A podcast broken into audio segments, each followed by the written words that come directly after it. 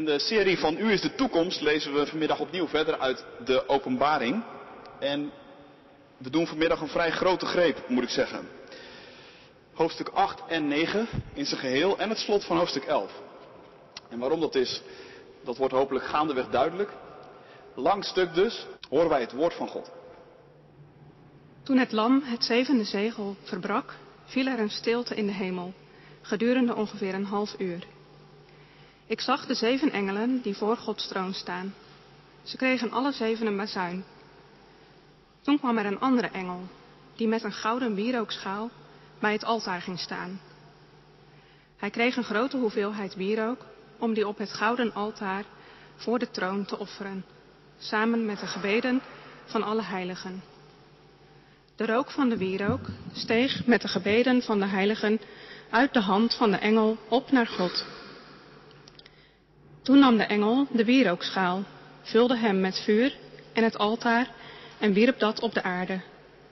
Er volgden donderslagen, groot geraas, bliksemschichten en een aardbeving. De zeven engelen, ieder met een bazuin, maakten aanstalten om erop te blazen. Toen blies de eerste engel op zijn bazuin. Er kwam hagel en vuur, gemengd met bloed, en dat werd op de aarde geworpen. Een derde deel van de aarde brandde af, evenals een derde deel van de bomen en al het groen. De tweede engel blies op zijn bazuin. Iets dat eruit zag als een grote berg, waar de vlammen uitsloegen, werd in zee gegooid. Een derde deel van het water werd bloed, een derde deel van alle in zee levende wezens ging dood en een derde deel van de schepen verging. De derde engel blies op zijn bazuin. Uit de hemel viel een grote ster, die zo fel brandde als een fakkel. Hij viel op een derde deel van de rivieren en op de waterbronnen. De naam van de ster is Alsem. Dat derde deel van het water werd Alsem. Veel mensen stierven door het water dat bitter geworden was.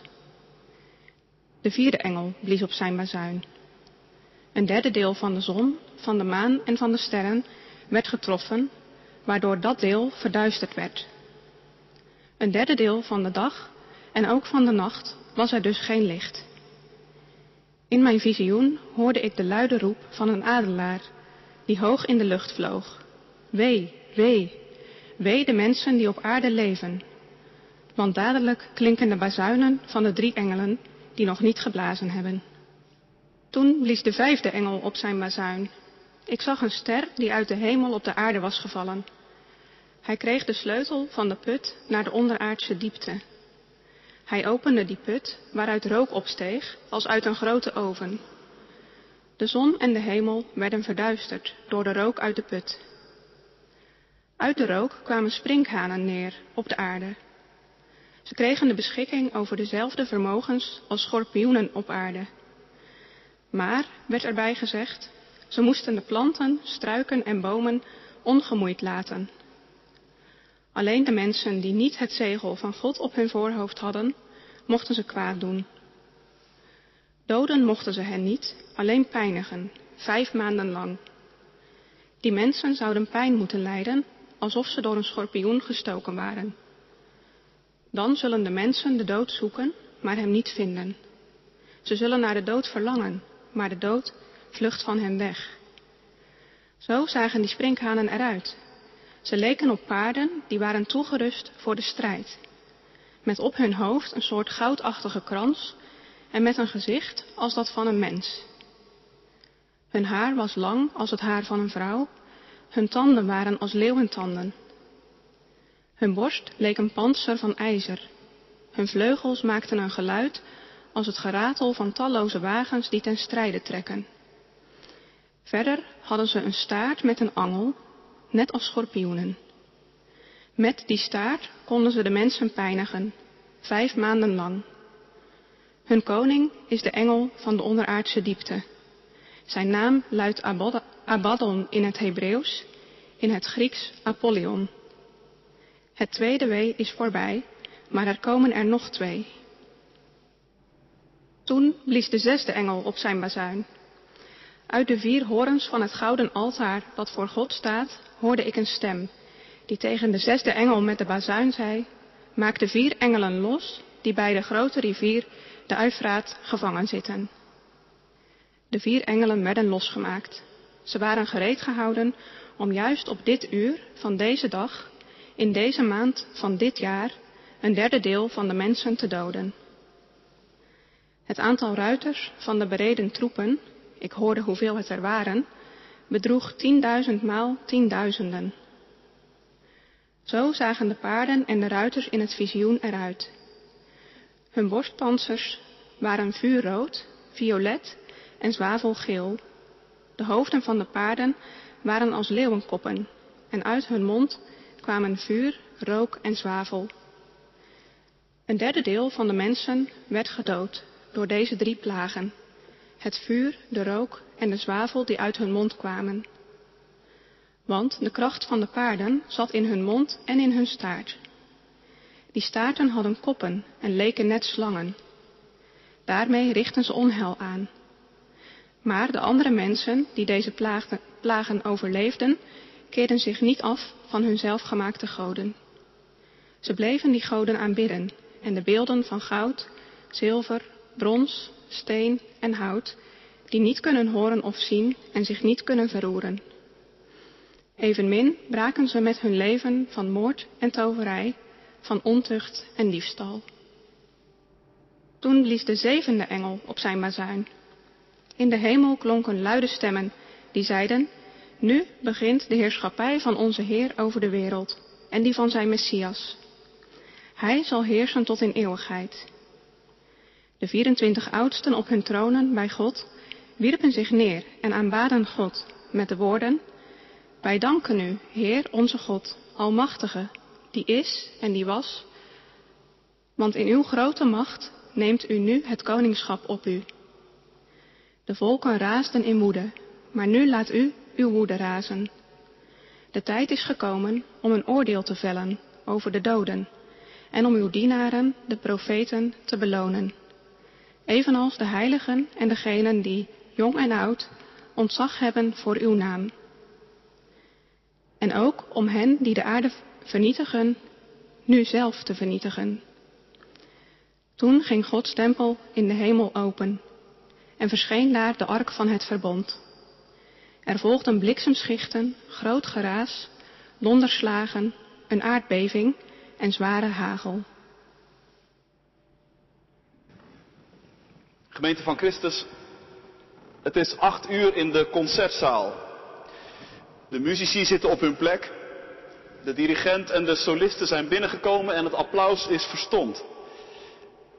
De dirigent neemt zijn plaats in op de bok, zet zijn voeten stevig neer, recht zijn rug, steekt zijn hand met dat zilveren stokje in de lucht en het wordt stil in de zaal.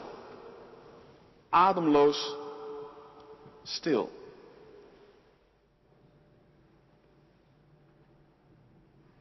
Het is vier uur in het lokaal. Klas 3b heeft het na een lange dag helemaal gehad en maakt het de docent Engels erg moeilijk. Van orde is nauwelijks sprake meer. Iedereen roept door elkaar en een paar leerlingen misdragen zich gewoon. Dan wordt er op het ruitje getikt. De deur gaat open. Conrector stapt binnen. En het wordt stil in het lokaal. IJzig. Stil.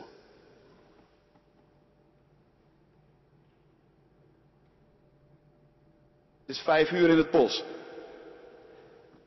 Het lawaai van de kettingzagen, de aggregaten en de andere werktuigen stopt. De werkdag is voorbij. En tevreden kijken de mannen rond. De zoveelste hectare bos heeft plaats moeten maken voor een steeds verder uitdijende oliepalmplantage. En waar tot een paar dagen geleden hoor en zien je vergingen, zoveel vogels en ander leven als er was, zo stil is het nu in het bos. Doodstil.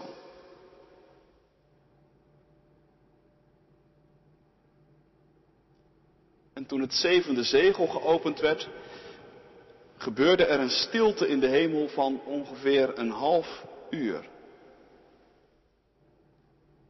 Wat is dat voor een stilte? Is het de doodse stilte van het gestorven oerwoud? Is het de ijzige stilte van de klas?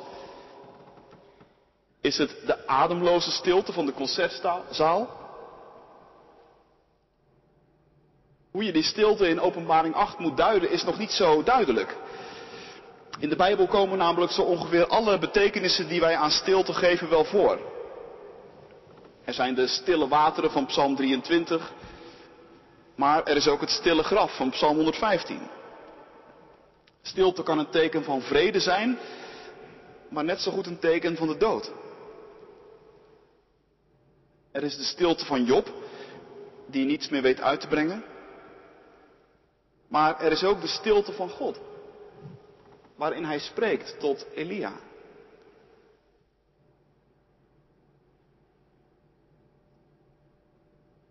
Wat openbaring 8 betreft, ik hou het vanmiddag maar op een ingespannen stilte. De stilte van een ingehouden adem. Wat er gaat gebeuren is nog niet helemaal duidelijk, maar er wordt gespannen naar uitgekeken. Wel duidelijk is wat er al gebeurd is. Al zes van de zeven zegels op de boekrol heeft Johannes open zien springen. Zoals ik al een paar keer eerder zei, zoals de luikjes in een adventskalender. Vier paarden heeft hij al gezien, daar begon het mee. Een wit paard, beeld voor ons mensen.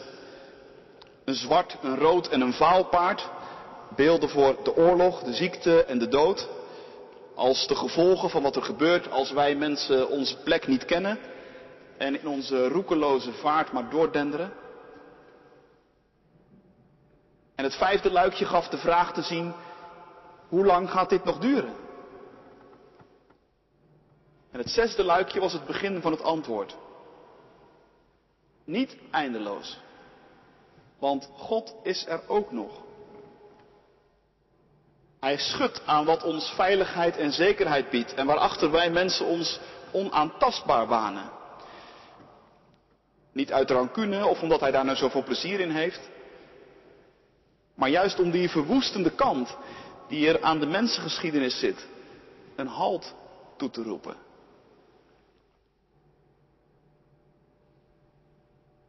En nu dan dus dat zevende zegel. Nou denk je, achter dat zevende luikje moet toch wel iets moois schuil gaan. Zeven, dat is tenslotte het getal van de volheid in de Bijbel. Nu wordt het vast de tijd voor de overwinning. Voor het koninkrijk van God dat baan breekt. Voor alle dingen nieuw. Maar zover is het dus nog niet. Eerst is er een stilte. Eerst houdt iedereen even zijn mond dicht, zelfs in de nabijheid van God.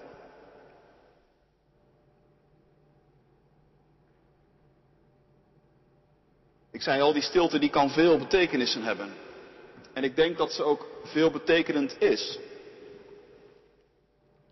Misschien zit er ook nog wel iets van verwarring in. Zo van, wat gebeurt er nu eigenlijk? Waarom gaat het niet gewoon in één keer door naar het einde bij God? Waarom komt Jezus niet gewoon terug? Ja, zeg het maar. Ik weet dat ook niet. En als je iets niet weet, dan is het soms beter om even in te houden. Even stil te zijn. Even stil te zijn midden in die totale cacophonie van geluiden en meningen die dag in dag uit om ons heen is. Stil zijn midden in die vloedgolf van stemmen. Stil zijn. En je even niet laten verleiden tot precies weten en willen duiden hoe het zit. Wie wat doet en waarom en waar dat allemaal toe gaat leiden. Uiteindelijk weet niemand van ons dat. En hoe meer je erover praat, hoe moedelozer je ervan kunt worden. En daarom stilte. Ingespannen afwachten wat er gaat gebeuren.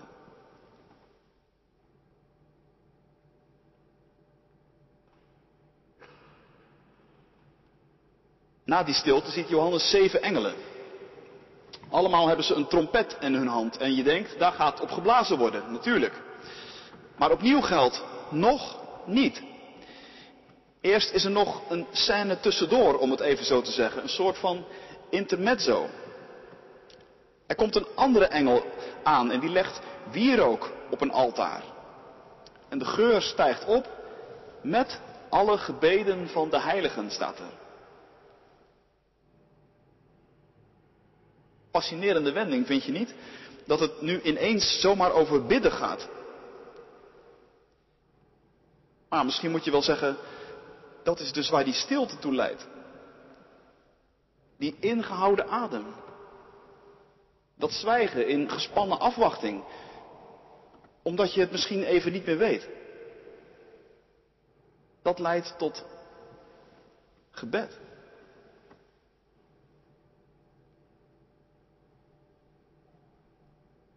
Midden in de Tweede Wereldoorlog houdt dominee Miskotte in Amsterdam een serie preken over openbaring. En als hij dan aangekomen is bij dit hoofdstuk en het ook even over die stilte heeft, dan zegt hij, ik geloof dat wanneer het menens wordt op aarde, dat wij dan tot het bidvertrek worden teruggedreven.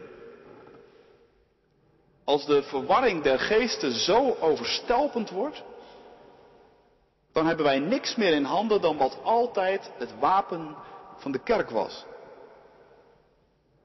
Het gebed. Ik vind dat schitterende zinnen. Over bidden kun je natuurlijk van alles zeggen. Wij bidden dagelijks uit gewoonte. Dat is heel goed.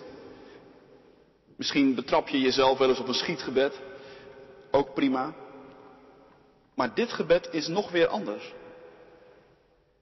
Dit gebed wordt als het ware geboren uit die stilte, uit de spanning en uit de verwarring. En hoe groter de verwarring, hoe meer wij, zegt Miskotte dan, tot ons bidvertrek worden teruggedreven. Dat vind ik een mooi woord. Teruggedreven is niet per se zachtzinnig. Er zit iets in van een soort van dwingende noodzaak. Je moet wel, want je kan niet anders. Maar Miskotte zegt ook, het gebed was altijd al het wapen van de kerk. Het gebed is dus niet een soort van zwaktebod. In de zin van, nou ja, we kunnen helaas alleen nog maar voor je bidden. Als ik nog wat anders had kunnen doen, had ik het natuurlijk zeker voor je gedaan. Nee, het is veel meer bidden in de zin van, wij moeten wel. Want daarin ligt juist onze kracht. Juist op de meest verwarrende momenten. Juist als niemand meer echt iets zinnigs te zeggen heeft.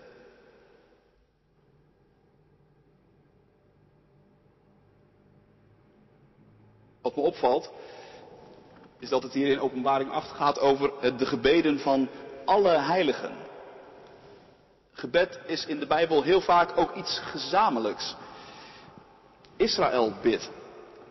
Of de kerk bidt. Dat is denk ik ook een groot deel van de zin van dat wij hier zijn. In de stilte van de zondagmiddag. Hier gebeurt ook ons gezamenlijk gebed. Het wordt geboren uit de stilte. Het wordt geboren uit de woorden van God die we samen lezen. Uit de liederen die we zingen. Je hoeft het echt niet allemaal zelf te verzinnen. Je voegt je gewoon in. In die grote beweging die vol continu over de wereld gaat. Prachtig. En het effect, of de zin van al dat bidden, dat laten we met een gerust hart aan God over. Misschien is ons gebed als de vleugelslag van die ene vlinder die ergens in de tropen op een tak zit. En die een heel minuscuul zuchtje wind veroorzaakt. dat uiteindelijk via een heel groot aantal tussenstappen leidt tot een orkaan in Texas.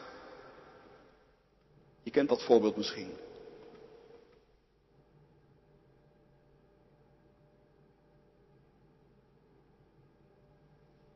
En dan, na de stilte en het gebed, die bazuinen. Daar gaat dan uiteindelijk toch op geblazen worden. En ik kan me zomaar voorstellen dat toen Ellen het voorlas dat het je helemaal duizelde. Want de beelden buitelen over elkaar, ze zijn heftig en verwarrend. En we gaan er vanmiddag dan ook niet tot in elk detail op inzoomen. Ik weet eerlijk gezegd ook niet met alles raad. Maar een aantal dingen is er denk ik wel over te zeggen. En het helpt als we aan het einde beginnen en als het ware van achter naar voren lezen. Helemaal aan het einde, als de zevende bazuin heeft geklonken, dan staat er, openbaring 11 vers 17, wij danken u, Heer, onze God, Almachtige, die is en die was, want in uw grote macht neemt u nu het koningschap op u. Gods koningschap. Daar moet je even een streep onder zetten, want daar is het allemaal om begonnen. En dat is door het hele Bijbelboek Openbaring heen dan ook de belangrijkste rode draad. Denk nog even terug aan het begin. Aan het visioen dat Johannes zag voordat die boekrol openging. Het visioen over de leeuw die eruit zag als een lam. Dat prachtige beeld voor Jezus. De gekruisigde en de opgestane. De koning van deze wereld. Jezus is koning. Jezus is Heer.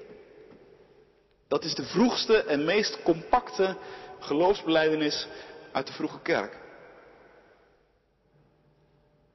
En het is een geloofsbeleidenis die meteen ook alles op scherp zet. Want de tweede rode draad in het boek Openbaring is dat dit nu net betwist wordt. Dat koningschap van Jezus. Dat wordt niet zomaar door iedereen erkend. Sterker nog, er zijn machten en krachten die zich juist als Jezus verschijnt enorm bedreigd voelen. En vanaf het allereerste begin van zijn komst in onze wereld wordt dat duidelijk. Jezus is nog maar een kind.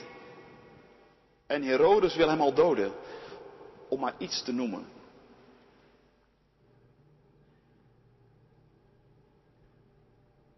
Vroege kerk heeft dat heel goed aangevoeld. Door juist in de kerstnacht Psalm 2 te laten zingen. Dat is die psalm die gaat over vorsten en koningen die zich sterk maken tegenover God en zijn gezalfde. Er zijn dus machten en krachten in deze wereld. En die zijn echt tegen God. Die zijn tegen Jezus. Dat is de dynamiek van het boek Openbaring. En ik zei het net al, soms is het goed om van achteren naar voren te lezen, want Openbaring is heel duidelijk. Die machten, die gaan het uiteindelijk niet redden. Vanaf het eerste begin is het duidelijk dat het lam regeert. Dat Jezus overwinnaar is. Dat Hij zijn koningschap begonnen is. En dat het in die end uitloopt op het nieuwe Jeruzalem. Op Gods wereld zoals die in Gods gedachten altijd al bestond.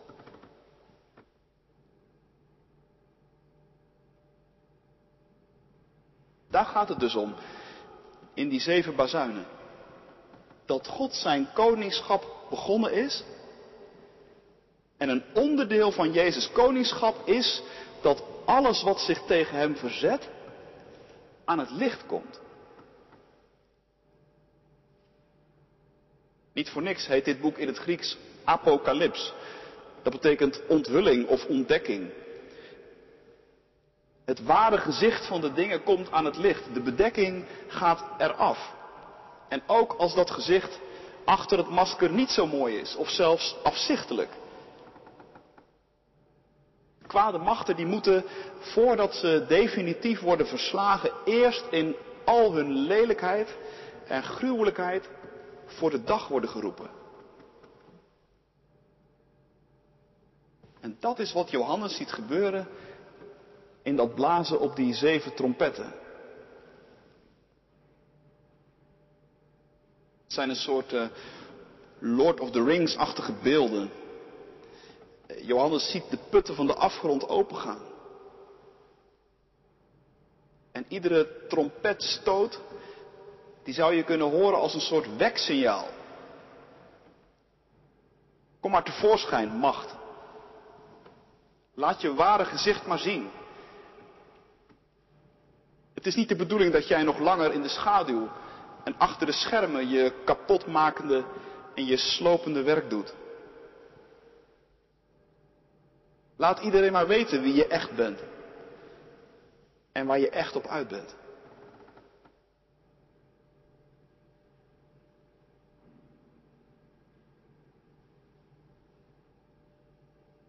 Oké, zeg je maar, wat is dat dan?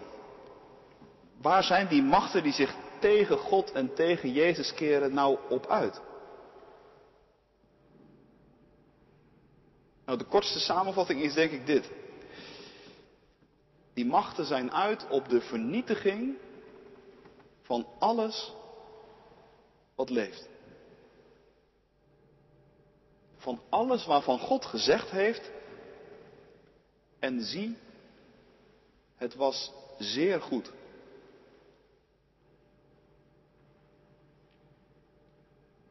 In die zeven bazuinen ziet Johannes de scheppingsdagen zich ongeveer voltrekken in een omgekeerde volgorde. In die zeven bazuinen zit een heel duidelijk patroon. Het begint ermee dat de bronnen en de basisvoorwaarden voor het leven worden aangetast. Het licht, het water, de bomen en de planten. Dat gebeurt in die eerste vier bazuinen. De dingen zonder welke wij vandaag dood zouden gaan, om het even zo te zeggen.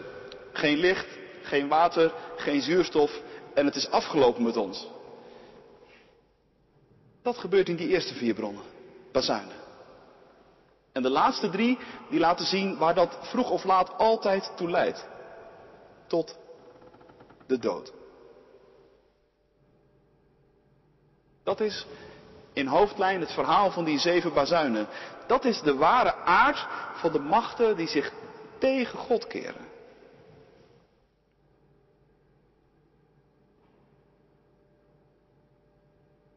En dan de onontkoombare vraag natuurlijk. Waar zien we dat nou gebeuren? Ik hoop dat je inmiddels begrijpt dat je de openbaring niet moet lezen als een soort van tabellenboek. Een spoorboekje. Het heeft echt geen zin om je af te vragen of we nu bij het derde of vierde zegel zijn of bij de vijfde of de zesde bazuin. Zo wil dit boek niet gelezen worden. Wat de openbaring wel doet, is dat er patronen worden blootgelegd. Patronen die je telkens weer in elke tijd opnieuw tegenkomt. En telkens weer op een andere manier. En daarom is er niet één reeks van zeven, maar zijn er drie reeksen van zeven. Zeven zegels, zeven bazuinen en straks verderop ook nog een keer zeven schalen. De openbaring wil ons duidelijk maken dat er patronen zijn die telkens weer in een nieuwe gestalte terugkomen. Maar aan de andere kant gaat het ook wel ergens naartoe. Er zit ook iets van voortgang in. Want de beelden worden gaandeweg heftiger en intenser. Het is een beetje alsof je een wenteltrap beklimt. Je denkt, ik loop telkens hetzelfde rondje. En dat is in zekere zin zo. Maar toch, je gaat ook omhoog. Je komt ook verder.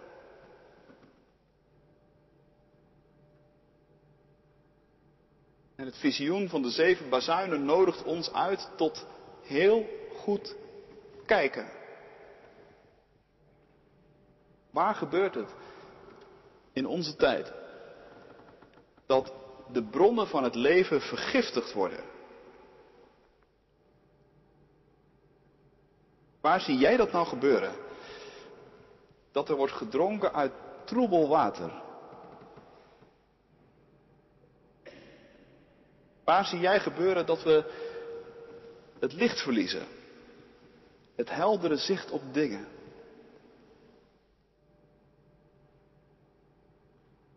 Nee, je hoeft dan niet alleen te denken aan concentratiekampen, aan atoombommen, aan genocides, aan Hiroshima, aan de meest verschrikkelijke dingen die wij ons kunnen bedenken.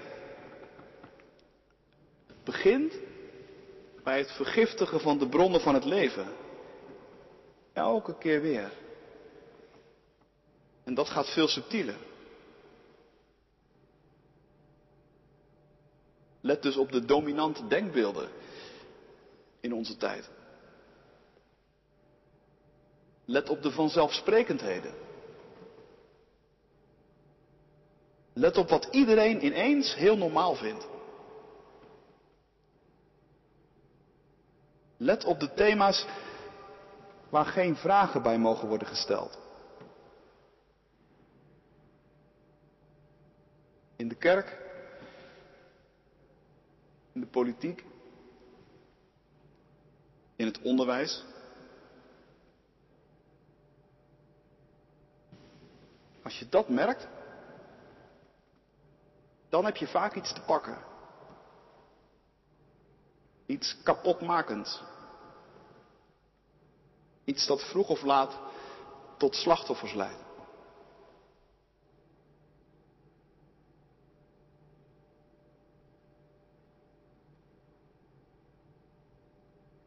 Tot slot nog dit.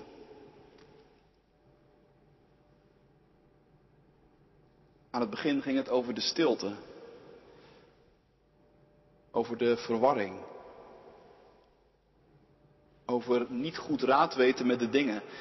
En dat dat tot gebed leidt in de kerk. Maar aan het slot van Openbaring 9 zit ook nog een andere reactie. Die is daar als het ware het spiegelbeeld van in negatieve zin. Daar gaat het over mensen die ondanks alles wat ze zien en meemaken niet tot nadenken worden gebracht.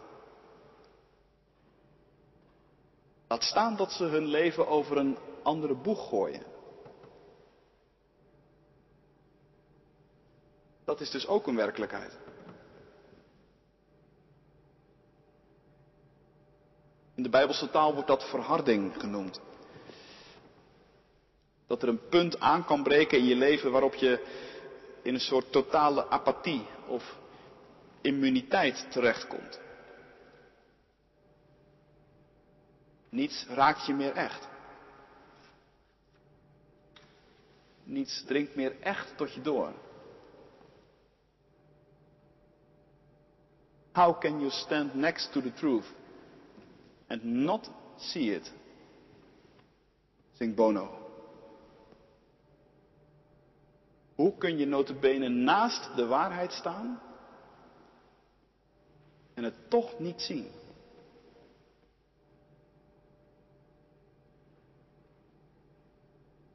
Ook dat is een raadsel. Ook de verharding is een raadsel. Iets waar jij en ik onze vingers niet goed achter krijgen. En daarom, daarom keren we aan het einde van deze preek maar terug naar de stilte. Want er is heel veel dat wij niet zien. En er is heel veel dat wij niet begrijpen.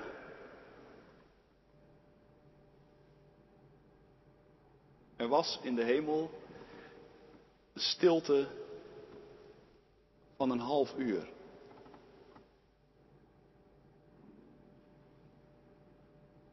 Een doodse stilte? Nee, dat niet. Een ijzige stilte? Ja, wel een beetje. Want als de machten van het kwaad hun ware gelaat laten zien, dan is dat verschrikkelijk. Een ademloze stilte. Dat vooral. Hoe laat het precies is, weten wij niet, maar we wachten in spanning op wat komen gaat. We zien de patronen van die zeven bazuinen zich voltrekken. Soms doet ons dat huiveren. Soms leidt het ons tot gebed. Tot stilte. Stilte voor het aangezicht van God. Want heilig is de Heer. Maar we weten ook dat koning Jezus regeert. En dat hij overwinnen zal. Daarom, daarom is er in de stilte soms zomaar een lied. En zingt de stilte hem toe. Jezus, onze koning, in zijn verheven oord. En wij, wij keren ons tot hem. Want hij hoort. Amen.